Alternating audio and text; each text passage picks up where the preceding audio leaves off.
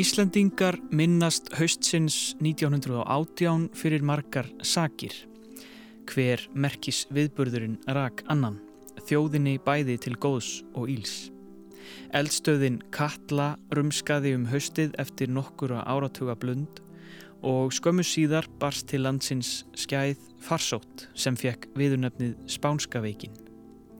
Úti í heimi liðu svo síðustu dagar fjögura ára heimstyrjaldar. Segja má að allt árið 1918 og sérilagi haustið hafi verið eins konar eldskýrn þjóðarinnar áður en hún öðlaðist fullveldi. Allir þessir atbyrðir voru eins og skuggi yfir því þegar að Íslandingar tóku þetta stóra skref í sjálfstæðisbaráttu sinni. Það er því ómögulegt að ímynda sér að hér á landi hafi verið einróma fögnuður í kjölfar fullveldisins og það sætir ekki furðu að einhverjum hafi lítið fundist vanta upp á að komið væri fast að heimsendi.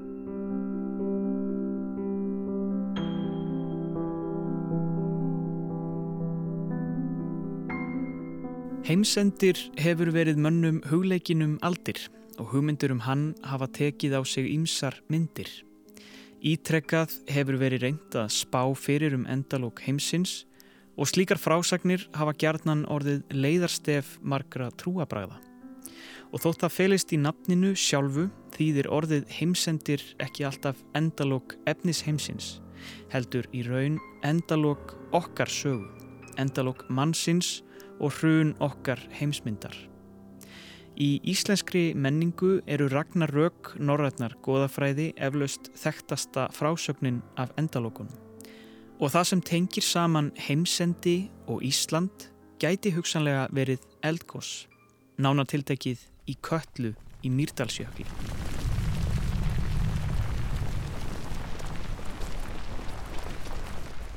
Nýlegar rannsóknir benda til að ekki sé útilokað að Ragnar Rögg, eins og þeim er líst í Völusbá, séu hugsanlega lýsing á eldgósinu í Eldgjá Eldgjárgósið sem er talið eitt stærsta eldgós á sögulegum tíma varð á miðri tíundu öld.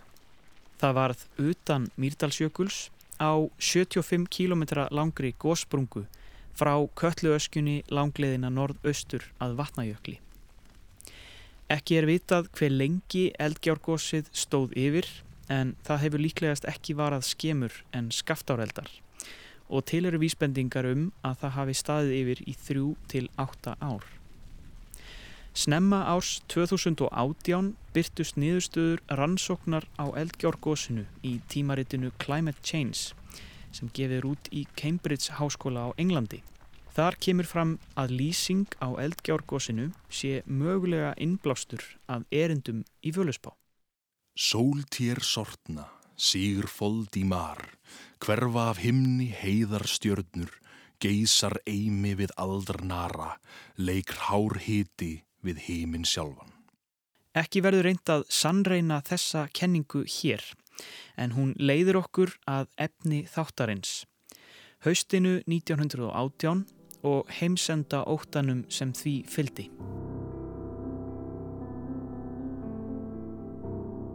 Fyrir mér er fjärstæðukent að setja sig í þessi spór og átta mig á því hvernig var að upplifa atbyrði höstsins. Atbyrði sem margir Íslandingar hreinlega lístu sem því sem næst kæmist heimsendi.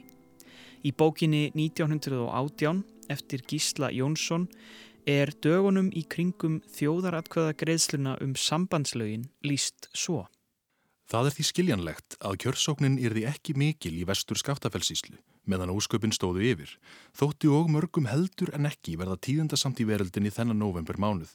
Vopnallið og fyrstafall í Evrópu, stórgós í Köllu, drepsótt í Reykjavík og Ísland að verða fullvalda. Varð gömlum manni að orði að ekki vantaði nú annað en halastjörnu til þess að komið væri fast að heimsendi.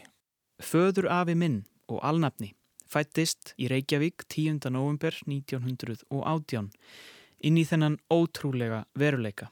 Dægin áður en þjóðverjar gáfist upp í stríðinu og örfáum dögum eftir að köllegósið var afstæðið.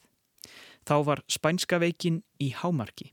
Næstum tveir þriðju borgarbúa voru rúmleikjandi og 10-15 manns letust á hverjum degi. Sko spænska veikin alltaf er einstakur atbyrður að uh, hvað varðar umfang vegna þess að þarna erum að ræða mannskeiðustu drepsótt uh, í nútíma mannkynsögu. Magnús Gottfredsson, smittsjúkdómalæknir og profesor við Læknadeild Háskóla Íslands. Og það talið að í spænsku veikinu hafi 50 til 100 miljónir manna tínt lífi og til að setja það í samhengi þá er það markvallt fleiri heldur en að dóu í heimstöldinni fyrri sem að þó geysaði í hvað fjögur ár þetta gerist á nokkru mánuðum og uh, það er erfitt kannski að skilja svona umfangið uh, en um, ef við teiknum upp sviðsmynd þar sem að svona skæðdreipsótt kemur fram í nútímanum að þá eru við að tala um að alltaf 400 miljónir manna getur dáið.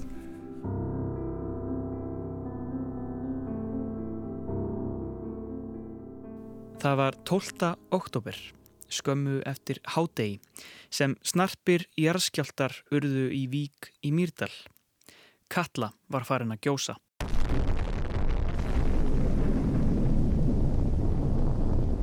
Katla er einn virkasta og hættulegasta eldstöð landsins.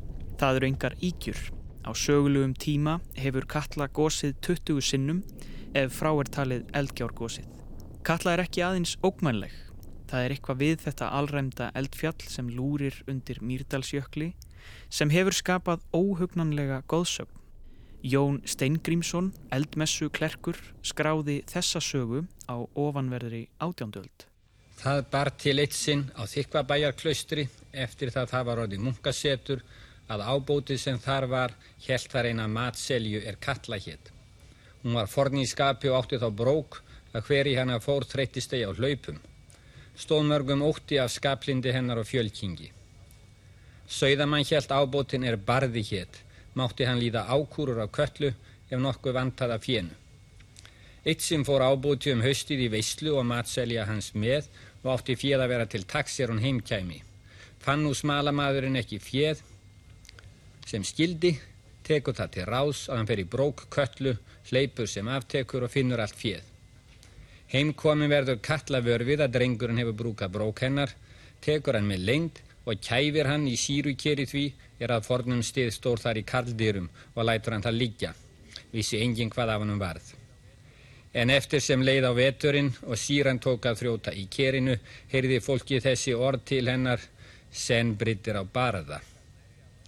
En þá hún gæt næri að vonska hennar myndi uppkoma, tekur um brók sína, hleypur út úr klaustrinu og stefnir norðvestur til jökulsins og steipir sér þar ofan í að menn heldu því hún sást hvergi framar. Brá svo við að réttar eftir kon hlaupur jöklinum er helst stemdi á klaustri og áltaverið, var gjáinn þaðan í frá köllu, köllu gjá. Af ógnarsögum af köllu í samtímanum má nefna viðtal við Ólaf Ragnar Grímsson, fyrirverandi fórseta Íslands, í breska ríkisútarpinu BBC í kjölfar Gossins í Eyjafjallajökli árið 2010. Þar varar hann við köllu. Eyjafjallajökull var aðeins forrétturinn, býði bara þar til kalla vagnar. I think we have learned above all that uh, there are forces of nature at work in this country. The combination of uh, volcanic eruption and uh, the glacial nature of this part of the country, which can create for a long period extraordinary damage to uh, modern advanced societies. Unfortunately, what we have seen in the last few days could only be a beginning of an experience which might be repeated throughout the 21st century because the history of these volcanoes in my country shows that they will erupt uh, uh, regularly and the time for, for example, for Katla to erupt uh, is coming close. That's another volcano, of course, which mercifully hasn't gone off yet, has it? No, but it's much, much bigger, and uh, what we have seen now is, in fact, uh, a small rehearsal of what would happen. Uh, I, I, don't say if, but I say when Katla will erupt. It usually erupts uh, once every century. The last one was in 1918. So we have for some years been waiting for that eruption. We have prepared rescue services and emergency plans in our own country. So I think it is high time for European governments and airline authorities all over Europe and the world to start planning for the eventual Katla eruption. En hver er hún, þessi jökulklætta ófreskja? Ef við lítum á stórumyndina þá er Katla, eldstöð, eldstöðin Katla, hluti af eldstöðakerfi sem að kentir við hana og kalla Katla eldstöðakerfið. Guðrún Larsen, jarfræðingur. Eldstöðakerfi eru gerðnan eh, samsett af megin eldstöð og síðan af sprungurein og megin eldstöðin í þessu eldstöðakerfi er fjallið eða fjallabálkurinn Myrdalsjökull með ísfylta ösku í kollinu sem var oft köllu, köllu askjan. Þetta er stóra askja, hún er 14 km laung og 9 km breið, 100 hérna ferrkilometrar og í suð-austurluta þessar ösku er svo kalla sem gauðs 1918 og á öldónin þar á endan.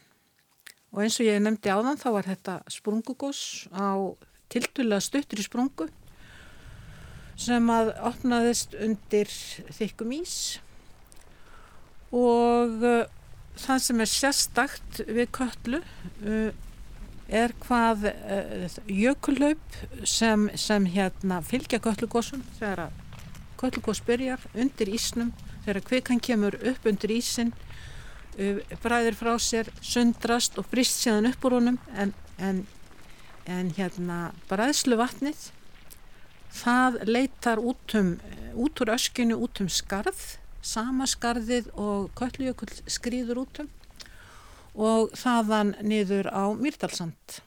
Köllugósið sjálft og áhrif þess eru vel skrásett og árið 1919 komu út annálar þar sem finnam á nákvæmar lýsingar fólks í nærsveitum jökulsins og víðar á eldsumbrotunum.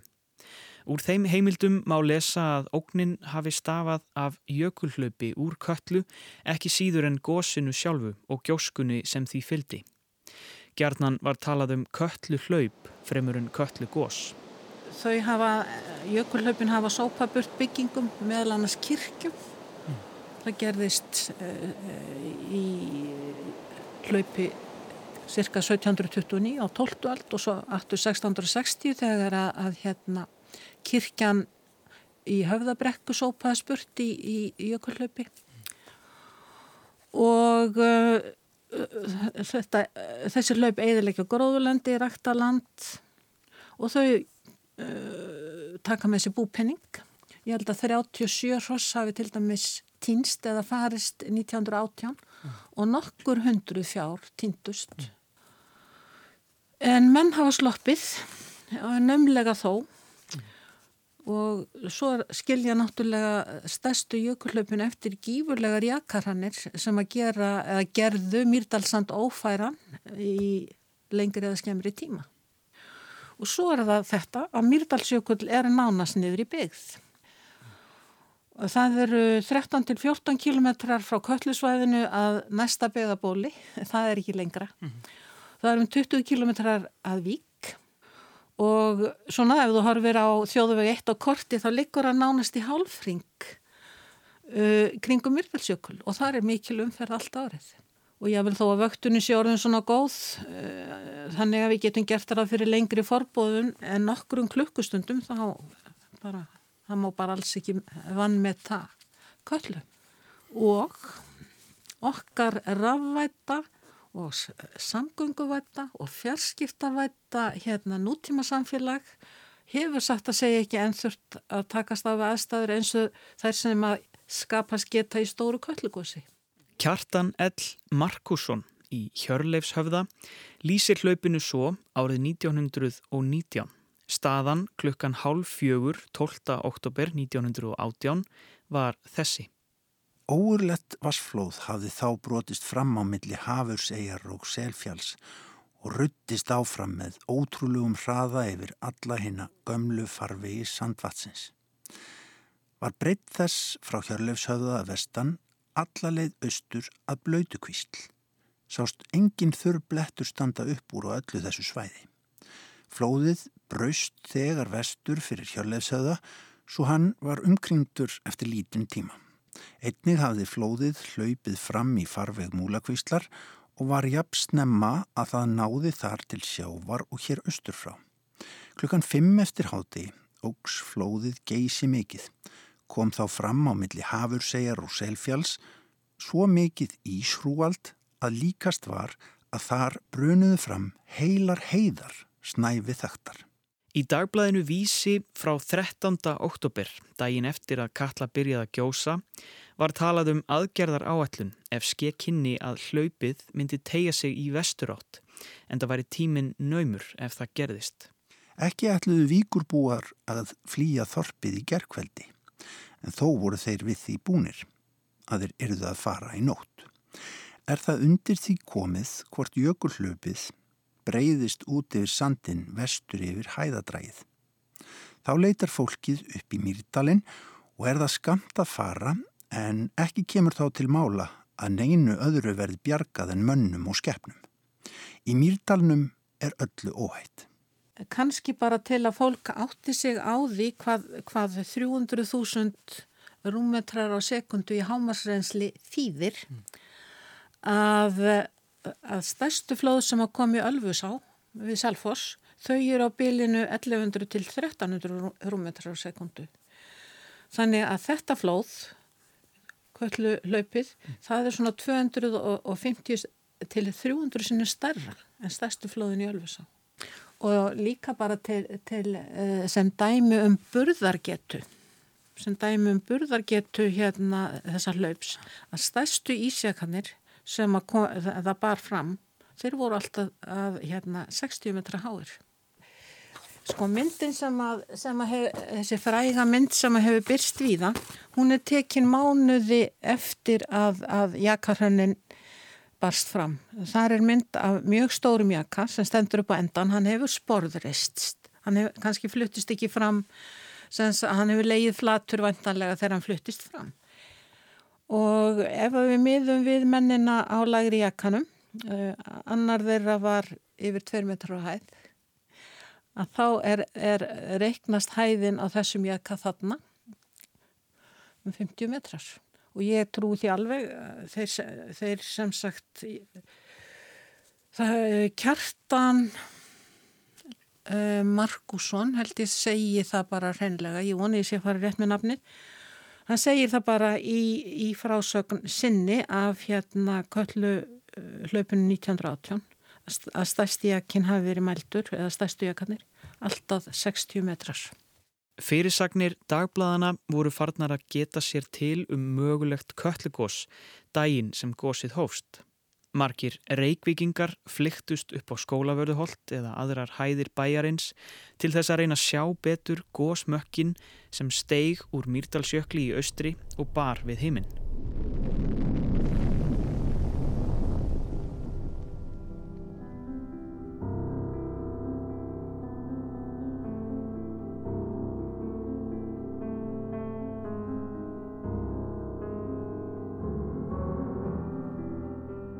Aðeins um viku eftir að Katla Gaus barst Spánska veikin til Reykjavíkur fyrst með skipinu Botníu.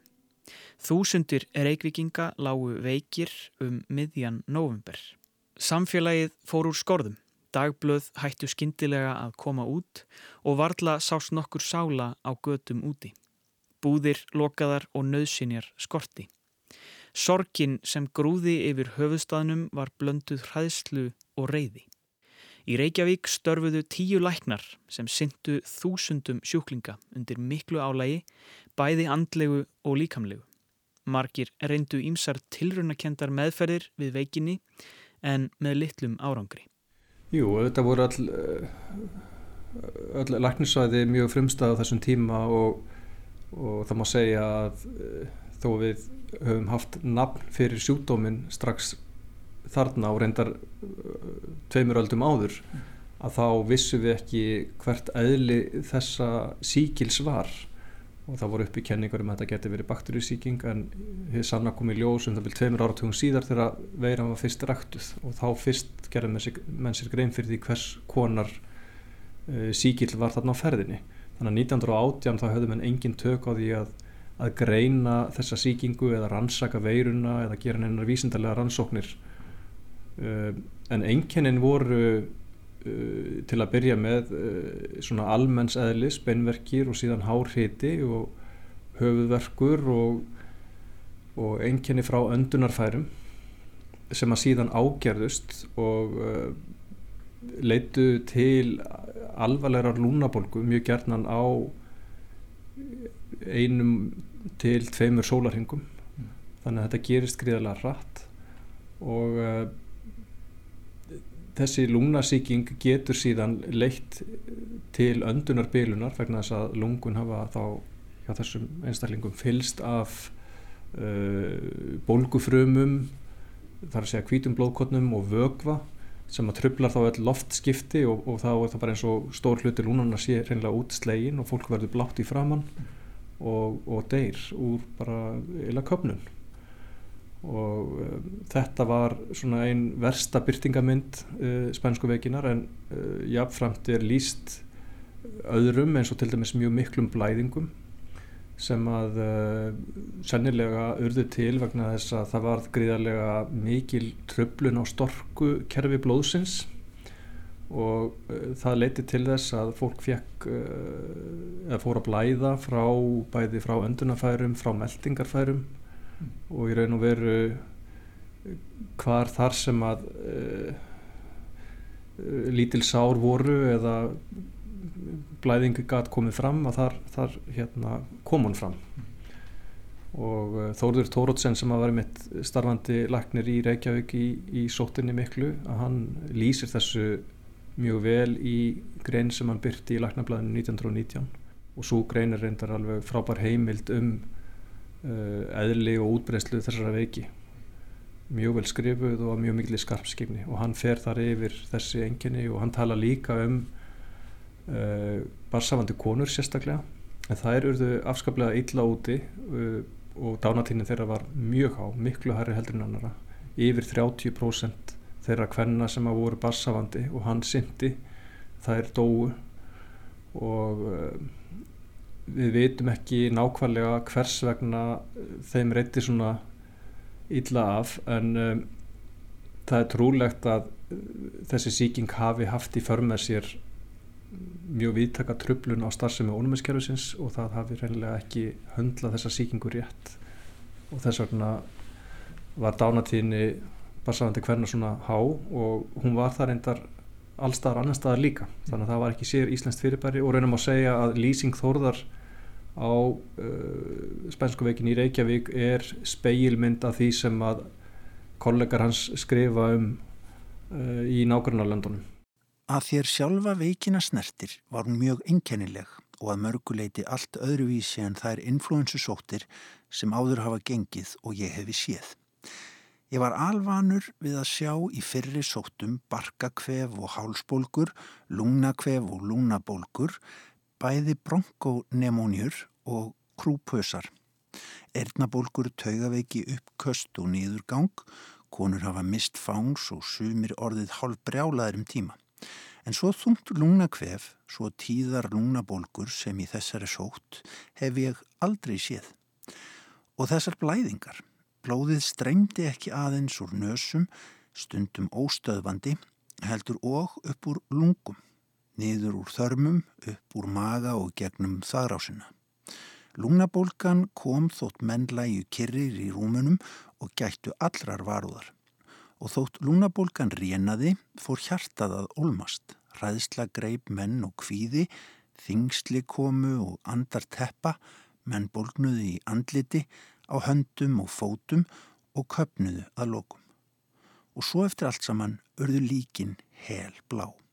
Uh, Dánatíðin hér í, í uh, Reykjavík var líklega svona í kringum 2,6 til 2,8% eitthvað svo leiðis og okkur kann eftir vil að finnast það fremur láta ánatíni þegar við heyrum þá tölu fyrst en þegar þessi gætt að uh, allavegna tveir þriðju allra borgarbúa veiktust á mjög skömmum tíma að þá gerir maður sig grein fyrir því hversu gríðarlega mikið högg þetta hefur verið. Og um, við getum rétt ímynda okkur hvernig það væri, væri umhors á landinu ef 2,8% landsmanna dæju á þremur fjórum vikum eitthvað í þá veru. Það væri þetta uh, nánast útilokað að takast á við það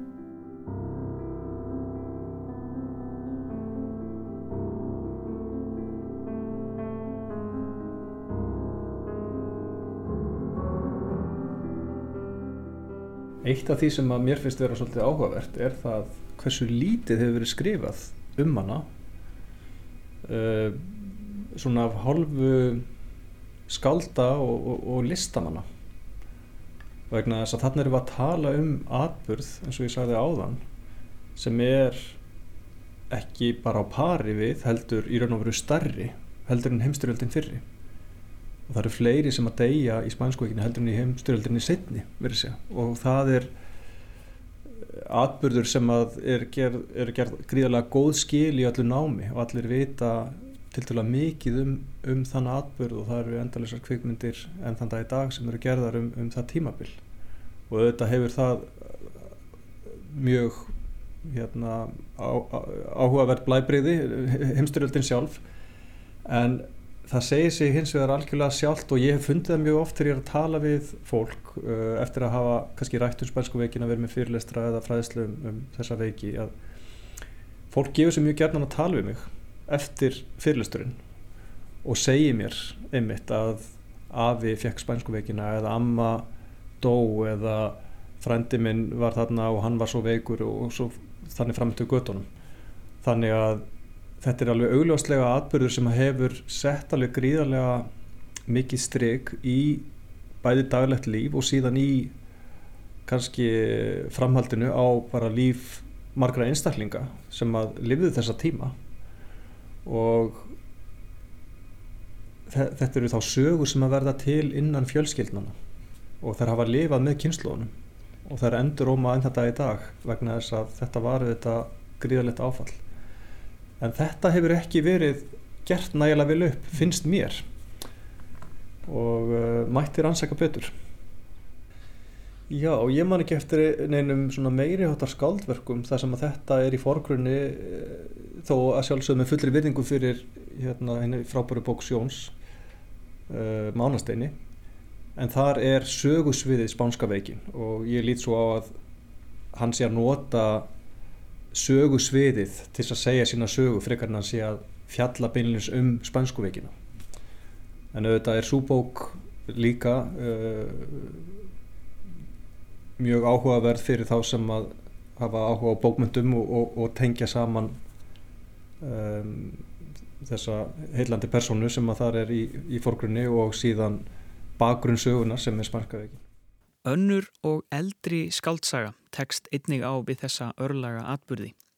Sælir eru einfaldir eftir Gunnar Gunnarsson kom fyrst út árið 1920 og heitir á frumálunu dönsku Sel er því einfeldi. Í henni færir Gunnar sig þá ungur rithöfundur frá sveitaromantík yfir í sögur af borginni eða Þorpinu Reykjavík. Sælir eru einfaldir gerist á sjö örlagaríkum dögum þegar að farsótt geysar í Reykjavík og eldgós þrumar í austri. Sko ég held að fyrir mér þá er, er þetta ástand í Reykjavík sem að Gunnar drefur myndaði í sögunni fyrst og fremst bara einhvern veginn ómótstæðileg ómótstæðilegt svið til þess að nota mjög sterk og áhrifamikil ták. Jón Yngvi Jóhansson, lektor á mentavísindasviði og æfisagnaritari Gunnars Gunnarssonar. Og Gunnar semst hann horfir utanfrá á Reykjavík á þessum tíma og hann horfir á einhverju hluti utanfá á Íslands samfélag líka og þannig að það er einhver ákveðin svona abstraksjón í því hvernig hann notar Reykjavík í þessari sögu. Mm.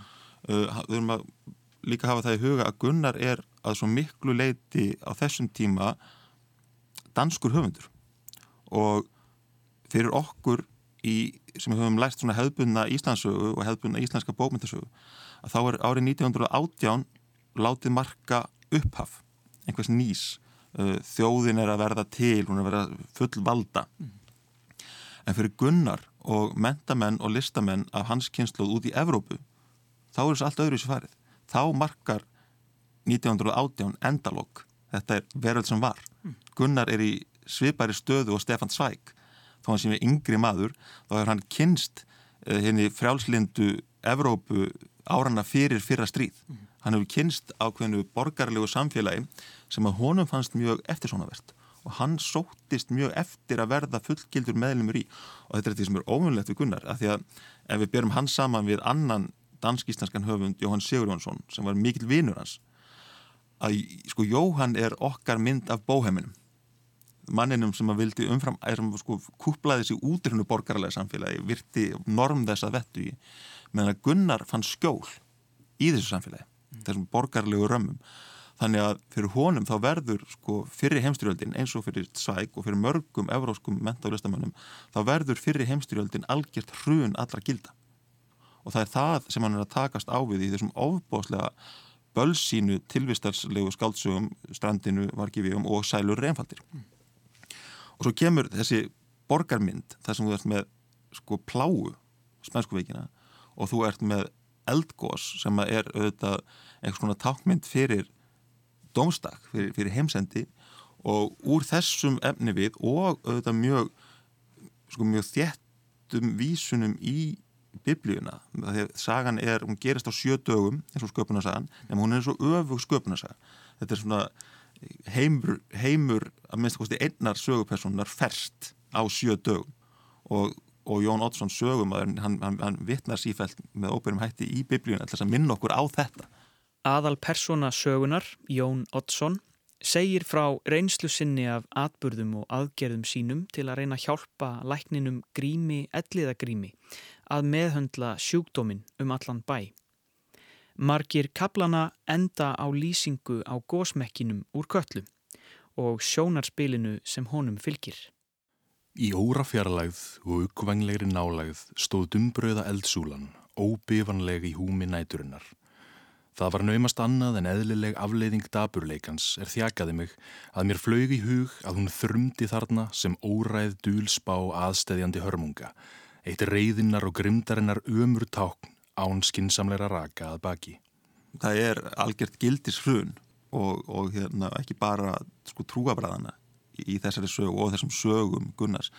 En ástæðan fyrir því að, að, sko, að trúalegt samhengi er svona mikilvægt en náttúrulega Gunnar er alin upp í samfélagi þar sem að sko, trúin er algjörlega sjálfgefin. Og hann verður mikill efasendamadur og trúlaus allavega á tímabili. Mm. og fyrir mann af hans kynnslóð og hans tægi þá er það náttúrulega miklu meira áfall heldur um fyrir fólk af okkar kynnslóð það, það, og, og hans leið til að takast á við það er að hann er alltaf að skilmast við þessa texta þessa texta sem að móta hans uppvöxt og, og, hérna, og hans texta samhengi og það eru það er alltaf biblían og það er helgakver og það sem hann þurft að læra auðvitað fyrir ferminguna sko. þannig að þess vegna skiptir í trúlega samhengi máli en í þessari sögu þá er það þá hefur það einhvern veginn mjög neikvægt intak og það hefur það líka í, í ströndinni og líka í varki við sko. Líkt og kvöldið áður stóð ég kyrr og beigð þangatið velarhljóðu vaksins var það ekki lengur greint í gráma kvöldsins. Og aftur var mér starfsýnt á eldsúluna austanfjáls, ætlaði hún að endast til eilíðar nóns, kvarlaði að mér sljótt og kæruleysislega og ég góndi mig blindan á funandi jarðeldin í fáramleik sínum. Loks áttaði ég mig og reikaði innum dyrnar og upp stegan, þreitan og örmagnið voru um það bila gera útaf við mig Og þarna var ég aftur, einn með sjálfum mér, einn með óta mínum og kvíða, einn í myrkrinu sem gerði sér líklegt til að gleipa mig, myrkrinu sem aðeins ropnaði endrum og eins af eldglæringum fáramrar öllu lífi fjandsamlegar eimirju úr yðrum einmanna nattar á stundarsveimi um óræðan geim. Hans uppgjöf er ekki svo sama og, og annara, það er umhlað Pál Einarsson hérna Uh, vondi kallin í sögunni hans, hans hérna, viðbræð við hruni allra gilda er bara að þá er það einn sterkasti sem ræður. Og, og Páll er eins og ef mann þekkja sko tólkunarsögun Nietzsche á Norðurlöndum þá er Páll bara eins og öfgamynda því hvernig mann tólkuðu og, og, og, nútíma heimsbyggingar myndu segja mistólkuðu kenninga Nietzsche um ofurmennið þar sem þá bara sterkast í ræður og ég mynd taka til mín það sem ég ekki tekið til mín og, og hérna ráða í krafti minns, míns styrks. Grímur ellega grímur gefst upp, veist, hann, hann bara hann, hann, hann bugast undan, undan því sem er að gerast. Meðan að Jón er sá sem einhvern veginn bara gefst ekki alveg upp en hefur samt engin svör. Hann segir bara í þýðingu Viljáms, ekki þýðingu Gunnars þá segir hann bara í lokin verið góðir hver við annan. Sem er ofslega máttlaust viðbræð við heimi sem eru heljar þröm en samt eginn er það eina sem hættir að segja og svo er þetta líka, þetta er svona sagum sem að svo er þetta líka sagum hjónabætti, ekki gleyma því sko. Uh, Jón Oddsson, sá sem gefst upp, hann er pipasvinn, hann á sér enga afkomendur meðan að Grímur er fjölskyldumæðurinn mm. hann er svona, hann er fjölskyldumæður læknir, hann er svona hortsteinn sko þessa samfélags mm. í raun og veru og það er hann sem brotnar, þannig að það er líka auðvitað eigur á það bölsíni sem enginn er þessi sögum og svo mér ekki gleyma því eitt viðbót sko að þessi fjalla, fjallanáttúrulega um 1900 og höstin 1918 og það sé ekki sagt en við höfum influensuna, við höfum eldgósið en hún er skrifið í Rappolo og Ítalju 1920 eða fyrsta uppkastæðinni og á leiðinni þanga þá fara Gunnar og Franziska með lest niður í gegnum Þískaland og Sviss og upplifa sko rústir Þískalands uh, eftir fyrra stríð. Þískaland er ennþá í, í sko algeri niðurníslu og þau fáu bref sem eru til á þessum tíma lýsa því meðalans hvað, hvað því lítið áfatt það er að sjá Þískaland í rústum eftir fyrir heimstyröld. Það er til nokkra kenningar um það hvernig uh, veiran kom fram og, og náði að breyðast út og það er ekki nokkur vafi á því að uh, þar sem að fólk kemur saman og uh, gistir kannski við erfiðar aðstæður til að mynda eins og í herbúðum eða í bröggum eða ég tala nú ekki um á víkstöðunum þar sem að uh, hermenn voru í kremju ofan í, í, í, hérna, skotgröfunum að það eru auðvitað kjör, kjörlendi fyrir veiki af þessum tóka hún dreifist mjög greiðlega bæði með svo kallið drópasmiti þar að segja ef það eru fólk er með nerra eða, eða það kemur slím úr nefi eins og allir þekkja í flensu og nefrensli mikið og, og þá berst hún með þeirri leið og sömuleiðis bara með einföldu snertismiti og þannig að fólk ber uh, hendur að nefi sér og tekur síðan í hendin á næsta manni þá er, þá er veiran komin yfir á næsta mann og, og, og breyðist þannig mjög hratt út. Og við vitum að það urðu gríðarlega skæðir faraldrar uh, í herbúðum bæði í bandaríkjónum mjög fræg uh, frásögnum herbúðnar í Camp Funston í, í hérna bandaríkjónum og síðan uh, sumuleiðis á vesturvíkstöðunum fyrir heimstöldinni og það eru margi fræðmenn sem að telja að uh, spænska veikin hafi í raun og veru nánast uh, leitt til þess að fyrir heimstöldinni var bara einfallega sjálf hægt það voru það mikil veikindi og það mikil afföll uh, að menn gáttu bara ekkit uh, sinn þessari endalösu baráttu sem hafi átt sér stað og var auðvitað fyrirsjánlegt að, að, að þjóðverjar myndu býða ósigur en sumir telja að, að spænska veikin hafi flýtt fyrir. Ég held aðeins að Gunnar, hann, hann, þetta er bara of sterk sviðsmynd til þess að tjá það sem honum bjói í, í brjósti á þessum tíma þegar að honum finnst einhvern veginn Evrópumenningin vera á heljarþrömm og þess vegna er hún kannski svolítið merkilega með að berna saman við sko síðan eh, mynd okkar af árunni 1918 sem upphæfi fullveldi sinns núna mm -hmm. og þessum, þessari tilneyingu okkar til að láta þetta ár marka tímamót í, í sögunni og, og, bókmyndasögunni við til dæmis flestar íslenskar bókmyndasögur þá er 20. stöldin látum byrja 1918 af því það er upphafið af fullveldinu mm. þó það gerist ekkert í íslenskum bókmyndum það er bara stjórnmálasagan sem ræður mm. en fyrir Gunnari þá var 1918 ekki upphaf það voru endalók